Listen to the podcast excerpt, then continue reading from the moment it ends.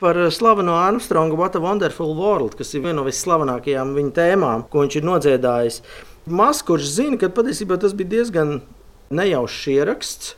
Tas ir punkts viens. Otrs, kā kompānijas prezidents, tas bija ABC Paramount rekords to laiku.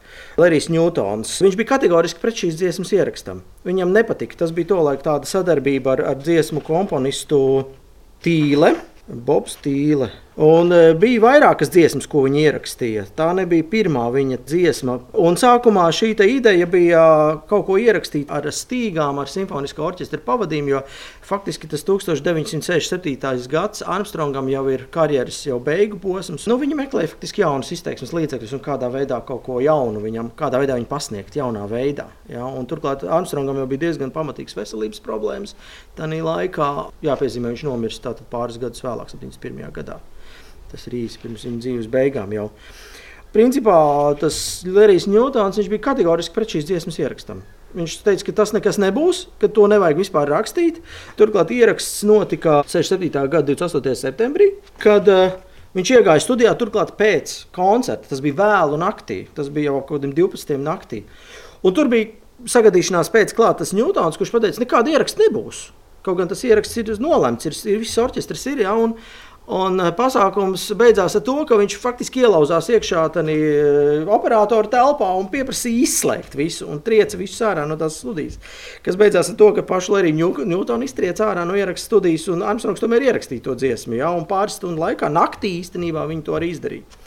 Vēl interesantāks stāsts ir pēc tam, kad eh, tā dziesma kļuva milzīgs panākums. Sākumā Anglijā, Lielbritānijā, Eiropā. Viņas tur ieguva reāli vietas čārtos. Ja?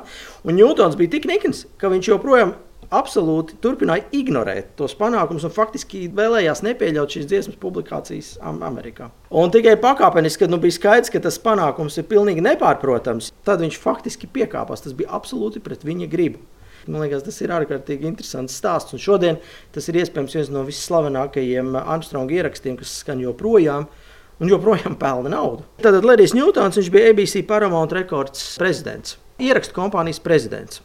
Tātad, nu, boss Tas galvenais iebildums ir, tad, kādas balādes, priekš kam balāde jāraksta, priekš kam jāraksta ar stīgām, jo pirms tam bija lielais Hello Dolly panākums, un viņa viedoklis bija, ka jāturpina šī virzienā iet. Un, un tur bija arī personīgas antipātijas pret uh, autoru tīli.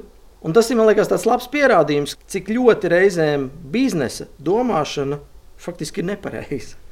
Jo viņš absolūti neredzēja to potenciālu, un tas ir iespējams viens no vislielākajiem Armstronga panākumiem.